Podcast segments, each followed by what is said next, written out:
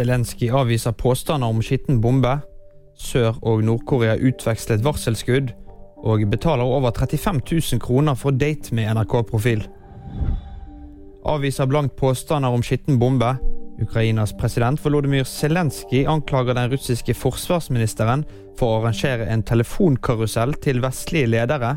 Den russiske forsvarsministeren påstår at Ukraina skal ha planer om å detonere en såkalt dirty bomb, atombombe, og gi Russland skylden. Sør- og Nord-Korea utvekslet varselskudd til havs. Sør-Koreas militære avfyrte varselskudd mot et nordkoreansk skip natt til mandag, før nordkoreanerne avfyrte artilleri som svar og advarsel. Spenningen har vært høy mellom de to nabolandene den siste tiden. Nord-Korea har gjennomført en rekke artilleri- og rakettester.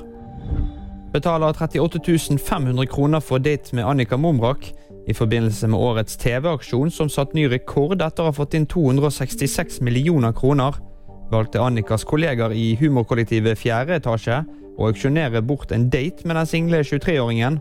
Fram til auksjonen ble avsluttet søndag kveld, hadde det kommet inn 96 bud fra 20 budgivere, og summen landet altså på 38 500 kroner. Og VG-nyhetene fikk du av meg, Kristoffer Gåsvær Torgersen.